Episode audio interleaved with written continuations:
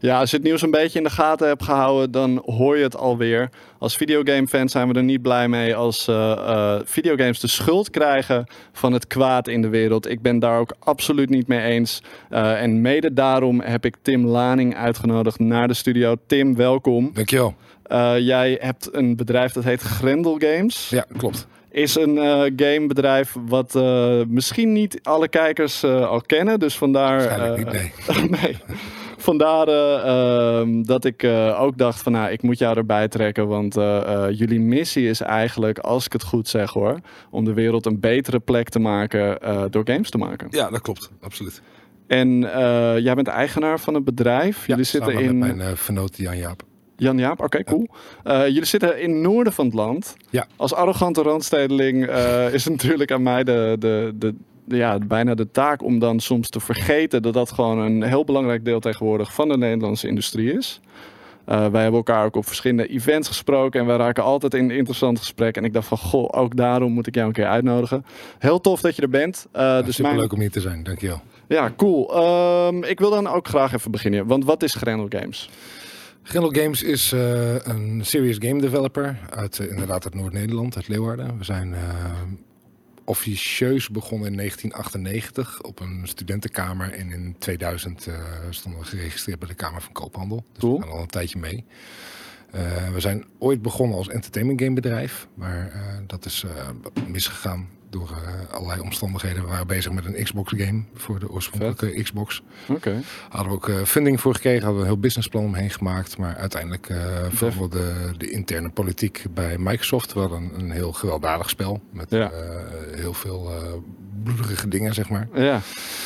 En Microsoft besloot op dat moment om voor Xbox Live te in ieder geval te beginnen met uh, casual stuff. En uh, uiteindelijk is het niet gelukt. Wow, dus, dat is super interessant. Dus dat was in 2006, tijd van Braid of eerder? Ja, ja. daarvoor nog, ver daarvoor. Sick. Het is echt toen de Xbox alleen nog in ontwikkeling was. Ja. En het spel wat we aan het bouwen waren was, heette Slave to the Blade. En dat okay. was eigenlijk een, een combinatie tussen Mortal Kombat en Guild Wars. Dus wat het idee was, was je had... Dat was voornamelijk met vikingen. Je had ja. uh, allemaal steden. Beetje Conan meets uh, viking setting. En oh. je kon, in die steden kon je ook je eigen zwaarden maken. En die kon je ook uit elkaar halen op de markt. En die kun je ook verkopen aan andere spelers. En andere spelers konden ook als spectator zeg maar, naar een arena gaan. Okay. En in die arena was de bedoeling dat je elkaar nou ja, zeg maar het leven zuur maakte. Vrij, en, vrij bloederig, bloederig. Dat maakten jullie ook met z'n tweeën op dat moment? Nee, nee hoor. Het okay. waren met z'n negenen, denk ik. Oh, wow. tien, tien man. En uiteindelijk, de grap is dat uiteindelijk moesten we motion capture doen. Ja. En, we verdienden, terwijl we aan het uh, ontwikkelen waren voor Slave to the Blade, verdienden we ook geld met het bouwen van simulaties. Maar we konden het niet laten vanwege onze game-achtergrond, zeg maar, om er leuke dingen van te maken. Uiteraard. En, uh, op een gegeven moment uh, hebben we een motion capture stu studio ingehuurd om een betere moveset te maken voor, voor Slave to the Blade. Om ja. nog bloederiger te maken. onze, onze meest fameuze move was de dentist. Ik, uh, dat deed je met de rand van je schild. Ik laat aan je verbeelding ik, over wat het resultaat kan me er was. iets bij voorstellen, inderdaad. Maar dat hadden we allemaal gemotion captured. En, want dat wilde Microsoft ook gaan. Heeft heel wat gebidden, hoe noem je dat? Ja. Tanden gekost. Ja, ja, klopt, klopt. En uiteindelijk was kwamen we op een ander spoor terecht bij Microsoft. Uh, onze accountmanager daar, die ging weg. Die ging naar Vivendi Universal. Ja. En uh, toen werden we voorgesteld aan een nieuwe accountmanager. En die zei, ja, sorry, uh, het ziet er cool uit. Het is hartstikke leuk, maar het is veel te bloedig. En we, we mikken eerst op casual. Nintendo heeft heel veel succes met casual. Ja, precies. We gaan kleine games doen. jullie game is 5 Force. Ehm, ja. Dat is best wel interessant, maar... De grap is dat motion capture, verhaal ja. uh, leidde eigenlijk tot de introductie van wat Grendel nu is geworden. Ik wou net de, zeggen. De, grap was dat uh, de directeur of eigenaar van het motion capture bedrijf hier in Amsterdam, Motec. Oké, okay, ja. Motec Entertainment. Ik, ja. Die, die hadden ook een, een eigenlijk een, een, een healthcare kant. Ja. En dat heette Motec Medical.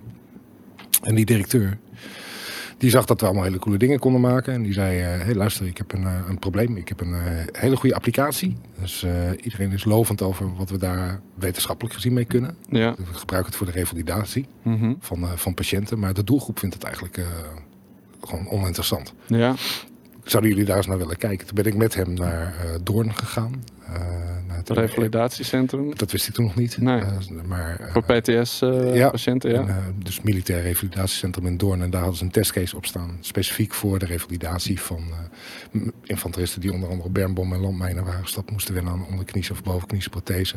Ja. Of die uh, hersenletsel hadden opgelopen. En we zijn toen met die doelgroep gaan praten. En dat waren eigenlijk allemaal jongere jongens die uh, best veel games speelden. En die zeiden, weet je, het is een super tof ding. We kunnen ermee interacteren, maar het ziet er gewoon niet uit en het is niet aantrekkelijk. En dat benadrukte wat wij al door zeiden. Weet je, die serious games, het is allemaal hartstikke leuk en aardig dat je hele goede dingen kunt doen. En het is te gek dat je het wetenschappelijk gezien kunt onderbouwen. Maar als er geen production value, ja. geen entertainment value in zit, dan uh, gaat de doelgroep afhaken. Ja, want dat is dus inderdaad het beeld dat veel mensen vaak bij serious games hebben ja. uh, of applied games. En dat vind ik grappig, want voor mij ontkrachten jullie dat ook wel. Uh, met de producten die jullie dus inderdaad ja. maken. Er zit echt production value achter. Ja, en dat is, dat is ook wat wij zien als ons onderscheidend vermogen. We kijken ja. heel erg naar hoe moet zo'n product er nou precies uitzien. Wat zou de doelgroep ervan verwachten? En het liefst heb je dat je een spel bouwt waarvan de doelgroep gewoon absoluut niet doorheeft dat ze uh, het spelen om uh, een andere doelstelling te behalen dan puur entertainment. Ja. En daarom is de slogan van ons bedrijf ook seriously entertaining in plaats ja. van uh, serious games. Ik heb ja. sowieso een hekel aan die term hoor, serious games. Ik ook, want het is, het, het is een contradictie in zichzelf natuurlijk. Ja, absoluut. Um, ja, ik heb natuurlijk projecten ook van Grendel meegenomen om te laten zien. Ja, Underground hebben we meegenomen. Um, deze game dacht ik eigenlijk van, hè? Uh, precies waar we het over hebben. Van dit, dit is niet. Uh, wat, wat ik vaak zie bij uh, Applied is een soort flashspelletjes, maar dit is full blown 3D. En dit is voor, ook voor de medische wereld ontwikkeld, geloof ik. Ja, het is ontwikkeld voor de Nintendo Wii U. Dat alleen al maakt het onderscheidend ten opzichte van, van andere series games natuurlijk. Ja. Je, ehm, en dat traint mensen in de basisvaardigheden van moeilijk woord, laparoscopie, ook wel kijkoperaties genoemd. En ja. Wat is nou zo lastig aan een kijkoperatie? Is dat als een, een gewone chirurgische operatie hebt, dan snijdt de chirurg je buik open en die kan gewoon precies zien wat hij aan het doen is. En uh, daarna hecht hij de boel weer dicht en is het klaar. Ja. Uh, nadeel daarvan is dat je heel lang moet revalideren. Want je houdt natuurlijk een enorme wond over. Je krijgt heel veel littekenweefsel. En ja. dat hoeft eigenlijk helemaal niet. Met laparoscopie maken ze maar drie kleine gaatjes. Twee gaatjes uh, aan de zijkant van je buikholte. Ja. En één gaatje onder je navel. En onder je navel daar gaat een camera naar binnen. In die camera zit overigens ook de lichtbron. En okay. aan de zijkanten, de poorten zoals ze dat noemen, van ja. je buikholte, daar gaan uh, laparoscopische instrumenten, moeilijk woord, uh, naar binnen. Ja, ik struggle ermee. Ja, dat geeft niet. dat, het struggelt iedereen mee. Want jullie hebben ook um, laparoscopische controllers. Ja, we hebben ook laparoscopische controllers gemaakt. En dat is ook de reden waarom we hebben gekozen voor de Nintendo Wii U. Er waren eigenlijk een heleboel redenen waarom we hebben gekozen voor de Nintendo Wii U. oorspronkelijk voor de Nintendo Wii. Um, er zijn een heleboel simulatoren die supergoed zijn ja. voor het trainen van die basisvaardigheden van laparoscopie. Het probleem is alleen dat alle chirurgen in opleiding, en dan hebben we het over twintigers, uh, twintigers tot dertigers, ja. um, die vinden die dingen saai. Dat is de grootste reden waarom ze afhaken. Ja. Um, een andere reden is als ze eenmaal hebben gewerkt met echt weefsel, bijvoorbeeld met een varken, ja. dan willen ze eigenlijk niet meer terug naar een virtual reality simulatie. Ja, je ziet er voor ons als leken ziet er super, super realistisch uit. We hebben gewoon normal maps, specular maps, uh, ja. parallax mapping, alle, alle coole visuele trucjes zitten erin. Uh, sommige van die dingen worden ook gewoon gemaakt met Unreal Engine enzovoort. Ja, ja. Uh, maar het grote probleem is dat de physics en dergelijke gewoon niet realistisch genoeg zijn. En is dat ook een gevoel dus wat zij hebben terwijl ze aan het opereren zijn, doordat het vlees is dat iets anders reageert? Precies. Dat Ja. en, en dus haken ze af op zo'n simulator. Maar het belangrijkste is dat ze die vaardigheden leren. Precies. En het gaat niet zozeer om de medische kennis, natuurlijk, die moet je ook hebben. Maar als je die vaardigheden heel erg op peil houdt, dan zorgt dat ervoor dat je uh, heel erg goed wordt in het doen van operaties. En dat is ook hand-oogcoördinatie neem ik aan. En Hand-oogcoördinatie, Spier. uh, inverse bewegingsmechaniek. Dat wil zeggen, uh, als het instrument de buikholte ingaat, dan wordt hij tegengehouden natuurlijk door de buikholte zelf. ja. Dus links wordt rechts, rechts wordt links, naar boven wordt naar beneden, naar beneden Oh, wordt ja. naar boven. En dat dan ook nog eens voor wat ze noemen de passieve en de actieve hand. Dan stel je voor, als je rechts bent en je schrijft met rechts, is dat geen probleem. Als je met links moet schrijven, is het super moeilijk. Ja, Stel je nu voor dat je je linkerhand ook nodig hebt tijdens een operatie. ja, En je moet dat doen, ook nog eens geïnverteerd.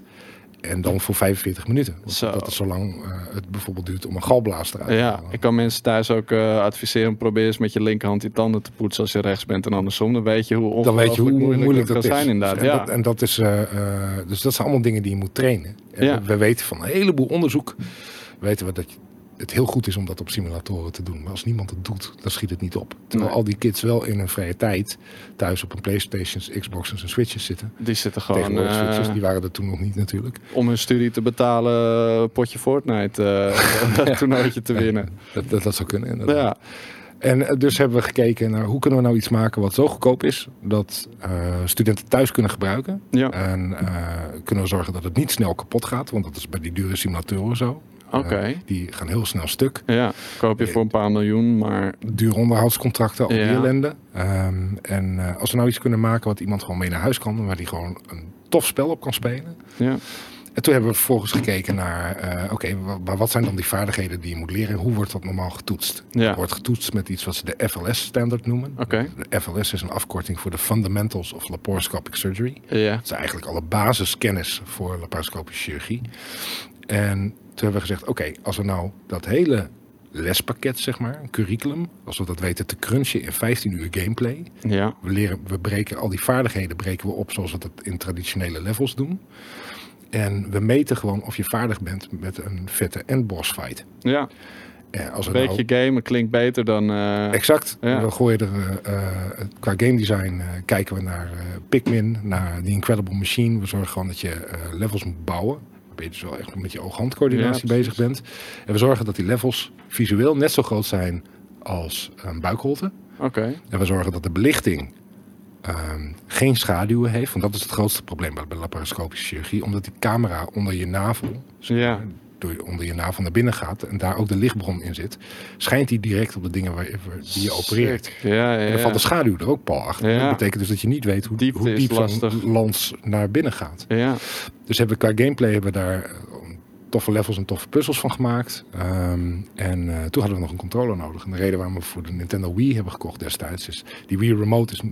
is... Is, nou, dat mag je eigenlijk niet zeggen, maar hij is redelijk waardeloos. ja is Wat niet heel accuraat. Het is, ja, Dat is absoluut. vervelend. Ja, Maar qua infrarood is hij super strak. oké. Want dat werkt eigenlijk net zoals eh, eh, een eh, afstandsbediening van een televisie. Ja. Je richt erop en dat doet het. En dat is dus ook diepte, of is dat alleen locatiemeting Dat is door ook- infrarood? Eh, locatiemeting doen we echt alleen met infrarood. En, en die diepte die, eh, eh, haal- trekken we daar ook voor een deel uit. Ja. Dus we hebben eh, contact opgenomen met Nintendo Japan, Nintendo Oké. of America. We hebben gezegd, luister, we gaan gewoon een coole game bouwen. Ja, Er komen cutscenes, er komt een orkestrale soundtrack. Die wordt specifiek voor de game gecomponeerd.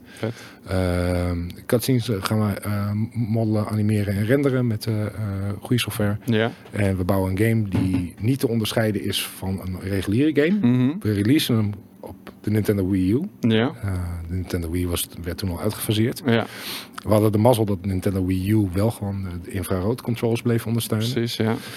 En na, na heel lang wikken en wegen met Nintendo hebben ze gezegd, oké cool, doe, doe maar. Maar ze waren heel erg bang in eerste instantie voor eh, eh, eh, juridische claims. Want het is een medisch apparaat. Nintendo heeft bijvoorbeeld Ja, Nintendo precies. Wii Fit hebben ze ook nooit gezegd dat het iets is wat healthcare related was. Ze hebben altijd gezegd, Oh, we zijn een spellenbedrijf. En Nintendo Wii Fit, dat speelt met je gezondheid. Ja, als je- precies. Als je er zelf een gezondheidsconnotatie aan wil hangen, dan is dat aan jou als consument. Ja, Maar wij bouwen speelgoed. ja, En met die approach zijn we ook naar ze toe gegaan. En hebben gezegd, luister, het is speelgoed. ja, precies. Maar wel met een serieus doel. En eh, uiteindelijk eh, hebben ze dat gekleerd. We waren al Nintendo developer. We hadden al andere Nintendo titels gemaakt. Cool. En eh, toen hebben we die controller ontworpen. De, visueel is die ontworpen door de meneer die ook de Philips Senseo heeft eh Oh, gebouwd. echt? Oh, wat cool. Hier zie je hem. Ja, Dus hij ziet er ook Nintendo Wii eh, peripheral-achtig uit. Weet je, Ja, wit glanzend plastic. En het slimme is dat hij de nunchuck controller gebruikt voor een analoge grip. ja, Dus dat betekent dat je een schaarachtige beweging hebt die je normaliter ook hebt met laparoscomische ja, instrumenten. Dat noemen ze face validity. Als iets heel erg visueel overeenkomt met Ja, wat het moet simuleren, dat noemen ze face validity. Die werd, face validity werd daardoor heel hoog. Eh, we hebben, eh, de sensorbar was eigenlijk niet accuraat genoeg. Want, eh, de sen- sensorbar heeft maar twee infraroodlampjes. We Ja. hadden eigenlijk ten alle tijde vier infraroodlampjes nodig. Zichtbaar nodig om te kunnen triangulaten, zeg maar, tussen de Wii Remote eh, op de controller. dat je de het exacte positie kon achterhalen. Exact. Ja, soms eh, obfuseert die, dat staafje wat eraan zit, obfuseert dan een van de lampjes. Ja. En, eh, dan verlies je je signaal. Ja, Dus precies. wat we hebben gemaakt is super sturdy. Oké. Het, het doet het. Eh, terwijl bij al die dure simulatoren heb je dingen zoals drifting. Omdat ze heel vaak eh, eh, gimbals en dergelijke gebruiken Ja. om eh, rotaties te meten. doen we allemaal niet. We doen het met infrarood. Dus, dus gewoon geen calibratietijd. Nice. Kan eigenlijk niet kapot. Nintendo Wii kan moeizaam kapot. Dus het is Ja. veel, veel simpeler voor skill centers. Vet. En eh, toen hebben we het spel gebouwd. Daar hebben we vier jaar over gedaan. Dus we zijn begonnen voor Nintendo Wii. Daar hebben we de eerste showcases mee gedaan. Super vet. Eh, dat hebben we getoond aan Nintendo. Nintendo vond het goed. Ehm, toen zijn we aan de gang gegaan met eh, alle medische kennis. ja. Eh, de, onze initiële opdrachtgever was het eh, Universitair Medisch Centrum in Groningen, het Mhm. UMCG. Onder, onder leiding eh, het Skills Center wat ze daar hebben. Dat is eigenlijk een trainingsruimte waar ze allemaal dure simulatoren voor hadden gekocht. In de hoop dat al die kids daar heel veel mee gingen En oefenen. niemand die dat aan. En niemand deed dat. Ja. En- maar die chirurg die daar werkte en die, die veel deed voor het Skills Lab, Henk de Kater Hoedemaker, Ja. Die zei, weet je, ik weet wel waar het aan ligt. Ik ga gewoon met die kids praten. En, ik, en hij wist gewoon exact wat het probleem was. Ja. En, eh, Dat het toen- gewoon niet fun was en nee, dergelijke. nee. Dus En hij, ja. heeft, hij heeft ons benaderd. Wij zijn met eh, chirurgiestudenten gaan eh, praten in binnen- en buitenland. Met chirurgen, befaamd en minder befaamd. Op het gebied van laparoscopie. En toen hebben we gezegd, oké, we snappen de medische kennis. We snappen wat je moet leren, zeg maar, qua training. Trainen Mhm. van die vaardigheden. We hoeven niks met die medische kennis. Nee. Want dat is wat ze met die simulatoren doen. Dat is allemaal prima. Dat is leuk en aardig. Maar ze moeten gewoon met die controle overweg. Precies, ja. Het controle de overweg kunnen- hand-oogcoördinatie en de Ja, vaardigheden precies. met het apparaat. Ja. En dat betekent dat we eigenlijk creatieve vrijheid hebben om te doen en laten wat we willen. En daar is een heel tof spel uitgekomen. Ja. eh, Underground. En eh, het leuke is dat eh, in een heleboel van de positieve recensies die we hebben gekregen, mensen überhaupt niet wisten dat het een trainer was voor. eh, Want je kan hem ook met nunchucks gebruiken. Moet je Nee, wel je, kun- je kunt hem met de Wii controller, eh, U-pad kun je hem eh, bedienen. Oké. Op de Wii U-pad zit ook wat extra functionaliteit die normaal in de controller verstopt zit. Ja, Ehm, dus je kunt hem gewoon spelen met de Wii U-pad. iedereen samen kunnen, kunnen spelen. Ja, En op- is op het- de Wii U. Is het, eh, want het is ook een voorbeeld, moet ik je heel eerlijk zeggen. Eh, ik opende natuurlijk ook dit gesprek met eh, eh, nu weer de beschuldigingen. eh naar Ja. aanleiding van schietpartijen in Amerika. Van ja, het komt door videogames. Dat is gewoon onzin. Eh, tuurlijk is het onzin, dat weten wij. Dat weten heel veel gamers, game designers weten dat. En een van de dingen die als positief effect die je altijd kan uitleggen, ook aan oudere mensen, is van die hand-oogcoördinatie bij artsen, maar ook bij piloten. Dat is getest van de, de echt gamende piloot of de echt gamende chirurg Ja. presteert beter, want die heeft die vaardigheden ook nodig in zijn of haar werk. Er ook een hele bekende golfspeler. Dit is een quote die ik ooit heb gekregen van Henk de Kater. Maar Ja. Hij klopt perfect. Die bekende golfer die zegt ook...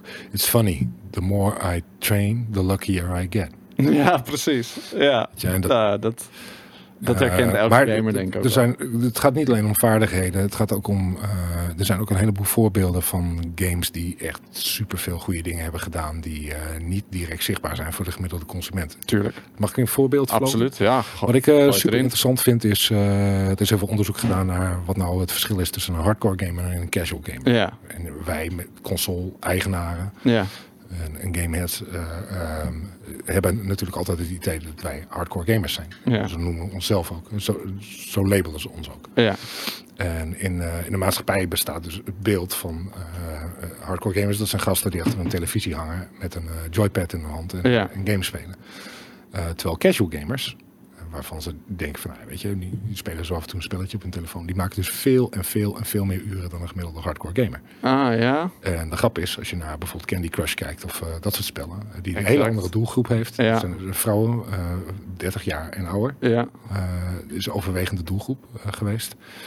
Ehm, die spelen in sommige gevallen meer dan 20 tot 30 uur per ja week. precies. Candy Dus Crush, als je alles bij elkaar optelt. In plaats van dat ze televisie kijken. Nou de grap. Als Ja. je al die gasten, dus eh, eh, dat zijn dus miljoenen per dag. ja, Ehm, als je al die gasten nou een spel zou laten spelen, wat de wereld zou helpen. ja, Heb ik een voorbeeld van. Het spel is eh, gemaakt bij de Universiteit van Washington. oké, daar doen wij overigens ook een heel tof project mee. Dit project hebben wij niet gedaan. oké. Het, het is al een wat ouder project. En het is een, eigenlijk een soort match-free-achtige game. Ja, Met dit verschil dat ze eh, vormen, 3D-vormen, eh, moeten vouwen. Ja. 3D-vormen, dat zijn, ik weet niet of je dit voorbeeld kent. Dat zijn eh, Ga je richting de DNA Ja, ja. strands? Ja. Ja. het gaat eh, specifiek om proteïne. Ja. Eh, en het vouwen van proteïne, omdat computers dat minder goed in zijn dan wij zijn, dat zijn, omdat wij beter zijn in het beschouwen van diepte. Ja. En dat hebben ze gebruikt om een eh, game te bouwen, eh, een puzzelgame, die heeft bijgedragen aan het oplossen van eh, een eh, groot vraagstuk rond het HPMV-kristal Ja. in de Monkey eh Visor strain. Ja. Eh, wat ervoor eh, heeft gezorgd dat ze veel meer inzicht hebben gekregen in eh, sommige vormen van kanker en overdracht met HIV. Dus dat is En dat is bij elkaar gegamed door. precies. Over netwerk die- waarschijnlijk. ja, maar Iedereen kreeg de hele- een... Ze hadden daar al 15 jaar onderzoek naar gedaan. En Ja. een paar weken spelen was het gewoon gefixt. En dat is het ding dus ook, hè? dat als iets leuk is, eh, je kan de passie van mensen op die manier, eh, of ja, gewoon mensen, eh, we spelen allemaal, of het nou beseffen of niet, of we onszelf nou gamer noemen. En het is natuurlijk een groot verschil tussen mensen die thuis een dure PC hebben staan en de nieuwste AAA-games kopen, en iemand die op zijn telefoon alleen Candy Crush speelt. Maar uiteindelijk is het allebei spelen. Ja. En dat wordt gewoon ingezet inderdaad om nieuwe informatie te vergaren, nieuwe kennis, nieuwe problemen op te lossen. Ja. Super tof dat jullie daar ook in, eh, in, in eh, meedraaien. Jullie hebben nog een andere ehm, voorbeeld van een game die ik graag wil laten zien. Wijk en Water Battle. Ja.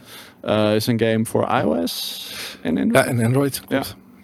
Waarbij eh heel ander soort probleem, meer vanuit eh, eh, maatschappelijk opzicht denk ik. Maar dat gaat over watermanagement. Ja, het grappige is, dit is ooit begonnen als een pilot in, in Leeuwarden, in Friesland, Ja. voor Vitens. Vitens is een van de grootste waterbedrijven in Nederland. Wat eigenlijk niemand in Nederland weet, is dat eh, Friesland ook het grootste waterlab heeft. Oh. dus het hele waternetwerk in Friesland is voorzien van allerlei sensoren. Dat hebben ze in de rest van Nederland niet gedaan, omdat het onhandig was voor een pilot. Ja, Het was veel moeilijker om hier de boel open te breken. ja, Uh, in Friesland was dat niet zo'n gro- groot probleem. Daar hebben ze een eh, groot waternetwerk.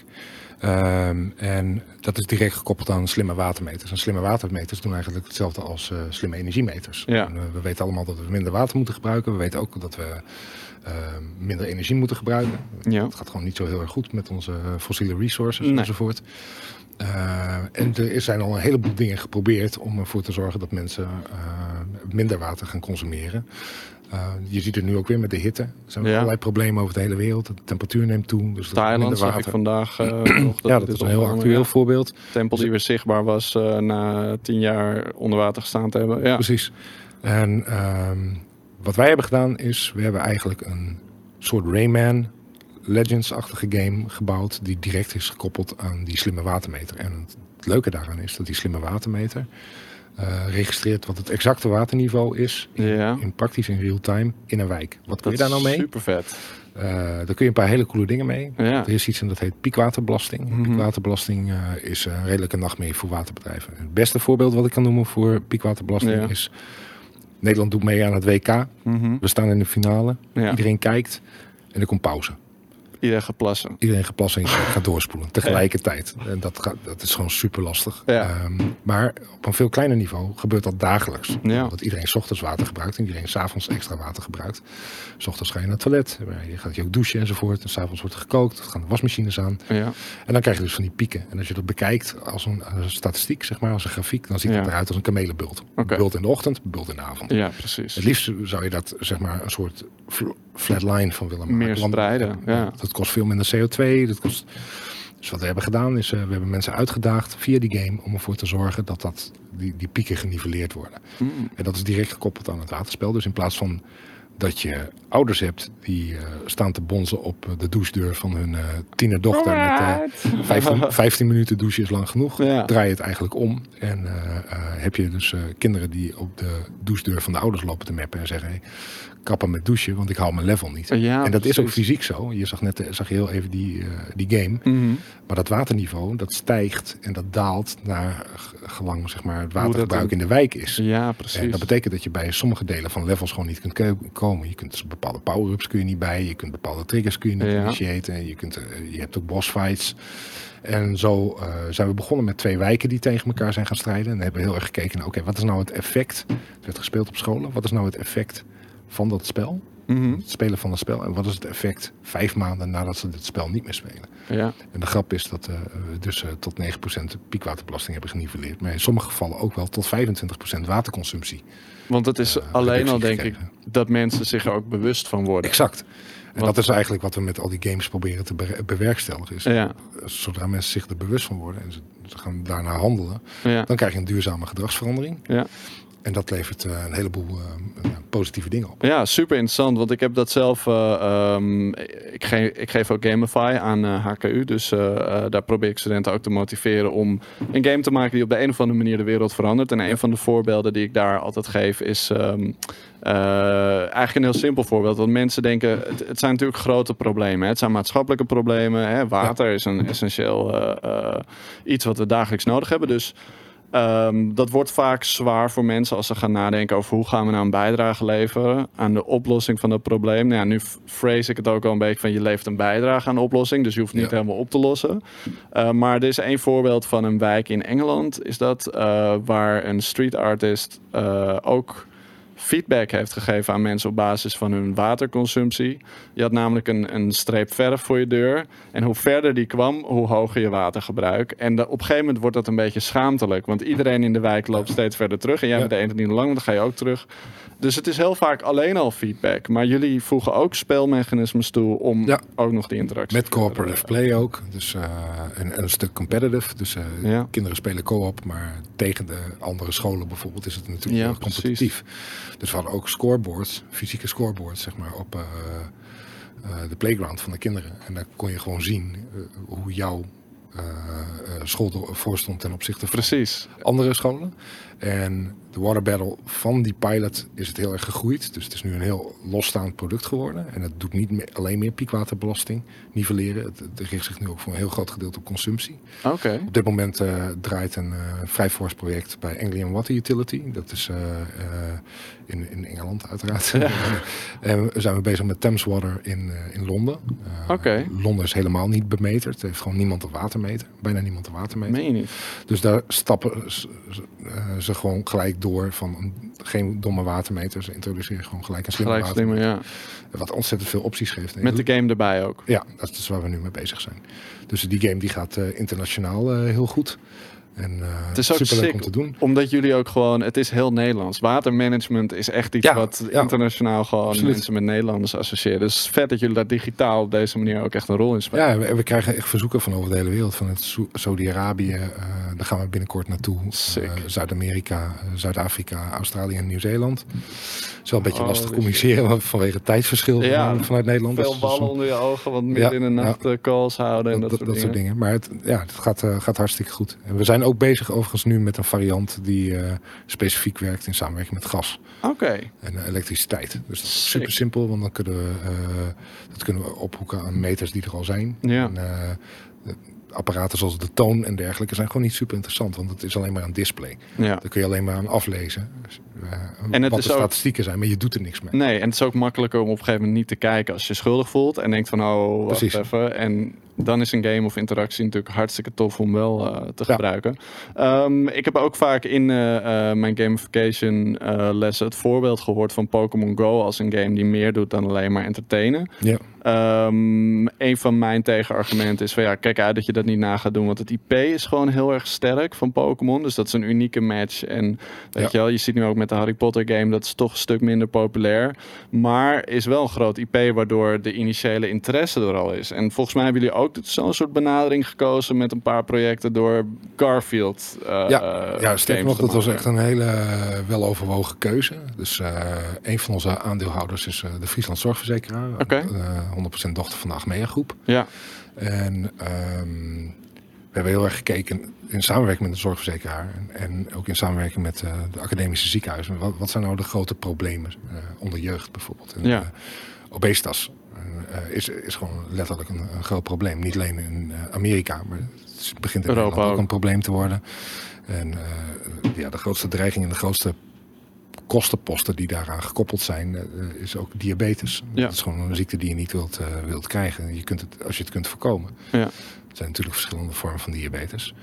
Eh, en toen hebben we gedacht, oké, maar hoe kunnen we kinderen dat nou op een leuke manier vertellen? eh, en eh, op een leuke manier dingen aanleren zonder dat het gelijk zo moraliserend wordt. Want Ja. we hebben echt een ontzettend broertje dood aan moraliserende Absoluut. games. Ja.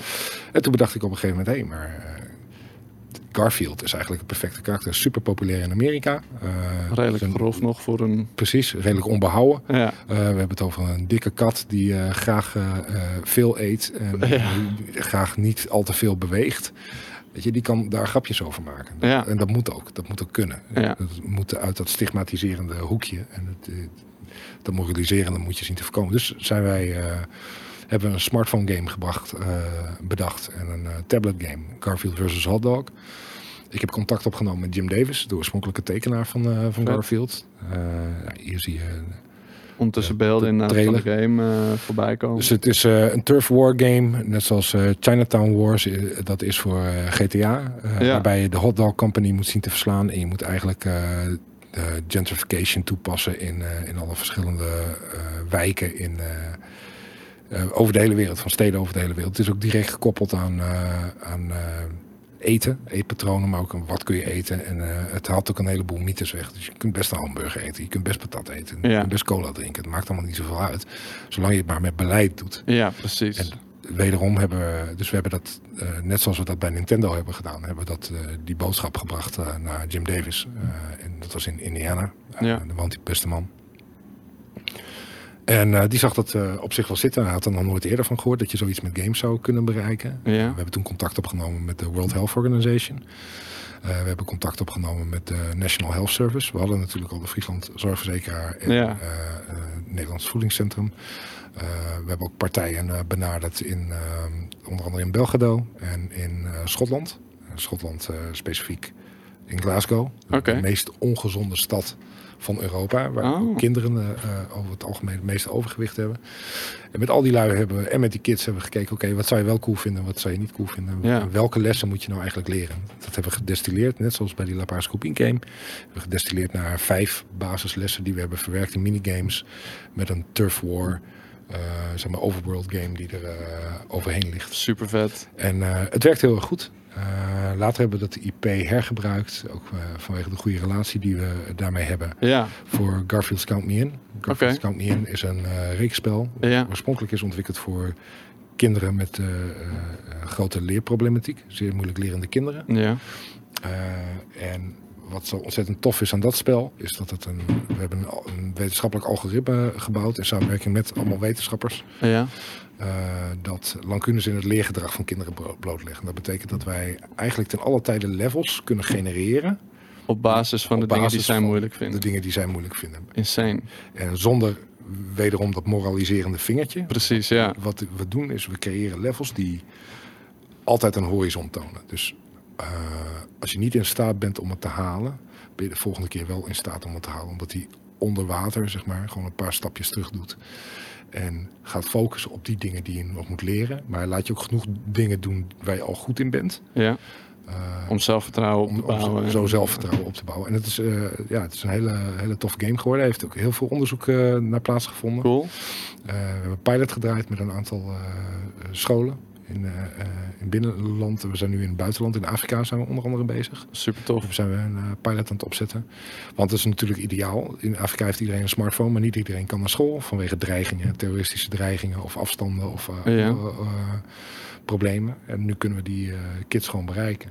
Via de digitale Ja, middelen inderdaad. en, En, eh, het is in feite natuurlijk, als gamer herken ik dat wel. Eh, een game is het vetste als ik het idee heb dat ik de moeilijkheidsgraad aan kan. Precies. Maar net niet, weet je wel. Ik word uitgedaagd. En dat principe zit daar in feite ook achter. Ja, dat is de reden waarom Dark Souls zo'n eh, vet succes is. Je, Ja. wil, je wil die bossen je kunnen verslaan. Absoluut. En die mechanics, die, eh, dus wat wij eigenlijk als bedrijf doen, is we kijken heel erg naar welke mechanics werken goed in entertainment games. Dat vinden wij vet om te spelen. Precies. En hoe kunnen we dat nou op zo'n manier toepassen binnen een applicatie waar je andere mensen mee helpt. En we dus gewoon ontzettend veel plezier hebben in het eh, bereiken van iets wat ze... Ik zit nog is eh, eigenlijk te denken aan eh, of de, de laparoscopische controller eh, zou je er Dark Souls mee kunnen uitspelen. Ja, ik denk dat dat echt... Er is vast eh, iemand die het kan. Eh, ja, Maar eh, het, zal, het zal lastig zijn. ik denk dat het erg lastig wordt. Ja, nou, het is wel een eh, cool ding om in de gaten te houden. Hey, een ander ding, en ik hoor het je al vaak zeggen. Ehm, de, de cijfers eh, van, van de Nederlandse game-industrie, eh, verzameld door de Dutch Game Garden, werden laatst gepresenteerd. Toen spraken wij elkaar voor het laatst. Ja. Ehm, en er, er was altijd een beetje een cynisch ondertoontje, heb ik het idee. Zeker eh, hier bij Game Kings in elk geval ook als Boris en ik het bijvoorbeeld over de Nederlandse game-industrie hadden.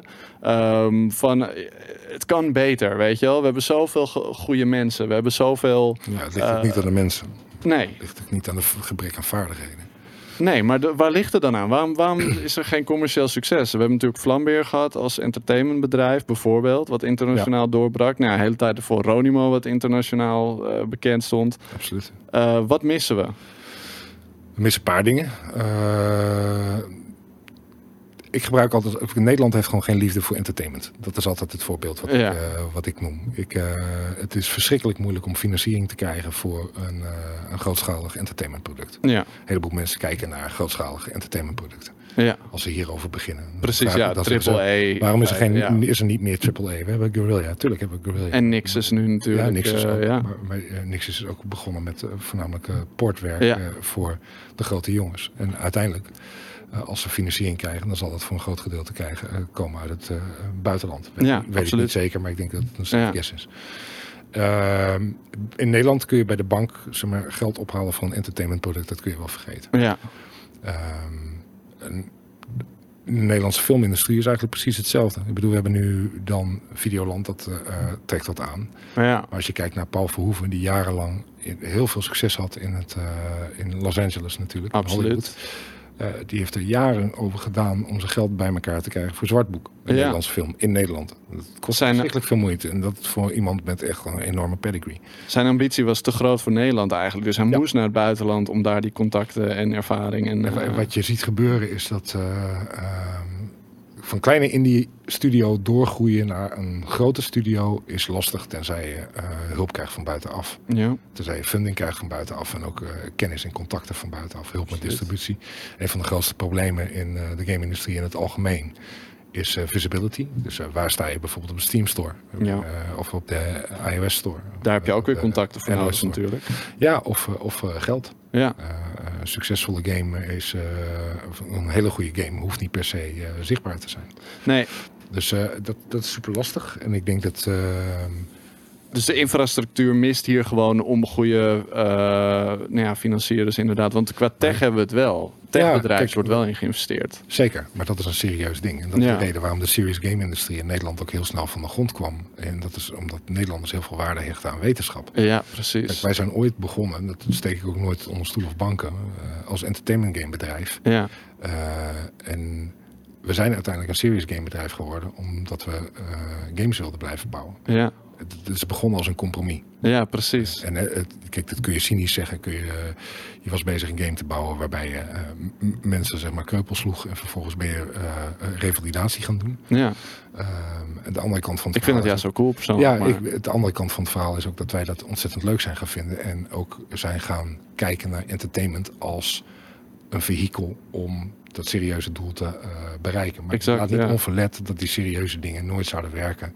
als de entertainmentformule er- die eronder zit, zou deugen. ja, En eh, ik, in het buitenland zijn er ook een heleboel eh, game developers en game publishers die groot zijn geworden. Zijn gaan herinvesteren ja, in hun eigen industrie.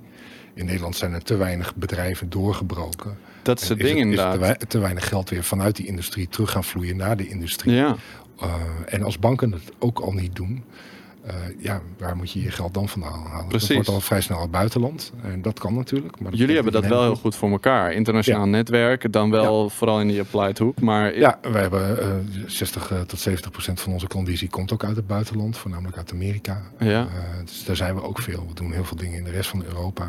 Maar mis, mis Nederland dat niet gewoon? Een vertegenwoordiger in het buitenland die gewoon daar de interessante klussen binnenhaalt. Ik weet voorbeelden van Nederlandse bedrijven die, eh, nou, bijvoorbeeld jullie, maar ook eh Sticky Studios en nu geloof ik Tailspin, andere game Ja. studio uit Nederland, die hebben gewoon één persoon vast in LA zitten Ja. die daar de contact onderhoudt. ik denk dat eh, Jeroen de Kloe dat heel goed heeft gedaan. Precies, ja. En er zijn meer gasten die dat op die manier hebben gedaan. Ruud de Moostijk is van Engine is natuurlijk ook Ja. naar Amerika gegaan. Er zijn ook gasten die huren agentschappen in.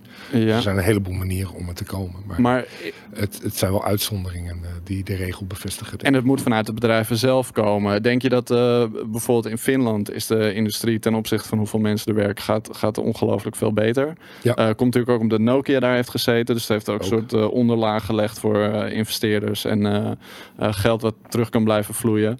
Ehm, maar hebben we dat niet gewoon als Nederlanders op moeten zetten? Ehm, is dat een, een rol geweest die misschien wel een Dutch Game Association had kunnen hebben? Of misschien wel een eh, rol die de Dutch Game Garden, als daar voor hun eh, iets in lag, had kunnen oppakken? Hebben wij een vertegenwoordiger nodig voor de industrie in het buitenland? Of zie je daar geen meerwaarde in? Nou, die zijn er wel. Er zijn, eh, er zijn opties voor game developers uit Nederland via de DGA of DGG. Ja, ook gesponsord overigens door de Nederlandse overheid om op, aanwezig te zijn op buitenlandse beurzen. Ja.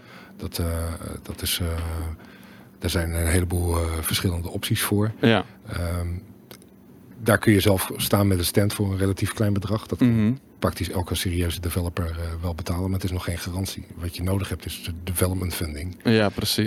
En je, wat je nodig hebt is eh, help bij publishing. Ja. Het vinden van een goede publisher en een goede zichtbaarheid Mhm. en een goede strategie. En die middelen die eh, wil je het liefst hebben op eh, een manier die ervoor zorgt dat je bedrijf ook jouw bedrijf blijft. Ja. Op het moment dat je aandeelhouders aan boord krijgt en investeerders, dan is dat ook een, een stem eh, in je bedrijf en in je Ja. bedrijfsvoering. Wat ik ook wel veel zie gebeuren is dat een heleboel indies daarvoor wegschuwen. Dat die daar bang voor zijn. ja, die willen niet de bemoeienis van... Nee, je, je, moet, je moet het ook. Games bouwen is super cool, maar het is en blijft een onderneming. mhm. En, dat betekent dat je economische verantwoordelijkheden hebt. Absoluut. Ook ten opzichte van je personeel. En dat je gewoon goed, een goede besluitvorming moet hebben. En het allerbelangrijkste is gewoon dat je eh, zelf de deur uit moet. En je product moet laten zien. Ja, Je moet gewoon blijven gaan. ja. Gewoon tegenaan blijven gaan. Wij doen dit nu 20 jaar. En in die 20 jaar hebben we zeg maar, een niche voor onszelf gecarved. eh, specifiek in die chirurgische industrie. Dat gaat hartstikke goed. We werken voor de, de top drie eh, medische chirurgiebedrijven zeg maar, ter wereld. Echt de Sick. absolute top. ja. Ehm, en, En je hebt een verandering in de wereld teweeg gaan. Want ik wilde eigenlijk richting de vraag ook. Ja, Eh, stel je voor, eh, er komt ineens wel een investeerder en die zegt van, nou Grendel, toffe dingen, weet je wel. Ik geloof ook in eh, Tim en, en je partner van, nou, we gaan hier een paar miljoen in steken. Ehm, denk je dan dat je weer puur entertainment zou willen maken? Of ben je nu in feite zo ja, gecarved ook zelf misschien wel, dat je denkt van, hé, hey, nee, dit is wat we blijven doen. ja, die meerwaarde En moet wil, dat wil overigens niet zeggen dat we... Hiernaast hebben we nog een, eh, een entertainment game bedrijf dat eh, Carnival of Creation heet. Oké, cool. Daar bouwen we nog steeds hele coole entertainment dingen mee. Dat doen we in onze vrije tijd. Ja. Maar daar steken we wel behoorlijk ziek veel eh, vrije tijd in. Ja. Zeg maar. Eh, Zit er ook een titel bij waarvan je zegt van, nou, die gaat richting een aankondiging of iets dergelijks? Eh, dat zou kunnen. We zijn samen bezig. Vorige keer hadden jullie Thomas Sala over de Ja, vloer. klopt. Eh, eh, we hebben een samenwerking met Little Chicken eh, Cool. voor iets. Dat zijn hele goede vrienden van ons. Vet. Ehm, en het coole is dat we net een deal hebben gemaakt met een investeerder uit het buitenland gezamenlijk. eh, Oh, uit. Canada. Met daaraan gekoppeld een IP. We gaan samen bezig met een, eh, een demo voor iets. Ik kan wel zeggen dat dit in VR is, maar ik mag het IP mag ik nog niet noemen. Damn. Dus daar zijn we wel mee bezig. Ja. En eh, we zijn, onze liefdesbaby is Soulstringer. Soulstringer is een point-and-click adventure. Eh, een soort Alice in Wonderland die zich afspeelt in eh, New Orleans in de jaren 50 met voodoo witch doctors, coole Vet. jazz en eh LucasArts-achtige humor, zeg maar. Dus eh, ik merk steeds meer eigenlijk dat, eh, eh, ja, het spijt me als ik je hiermee beleeg, maar de oude garde in Nederland, wat er toch best wel veel zijn. Ja. Dus de gevestigde namen waar jij bij hoort, waar Lil Chicken bij hoort, die hebben we hier ook nu bij GameKings vaker gezien. Die zijn niet alleen bezig met hun eigen bedrijf groot te maken, maar behind closed doors kunnen we misschien ook wel nieuwe entertainmentprojecten Ja, van, absoluut, absoluut. van die mensen. Super tof. keep, keep at it. Zijn er nog dingen die je wilt delen over Grendel of over games maken of over de Nederlandse game-industrie?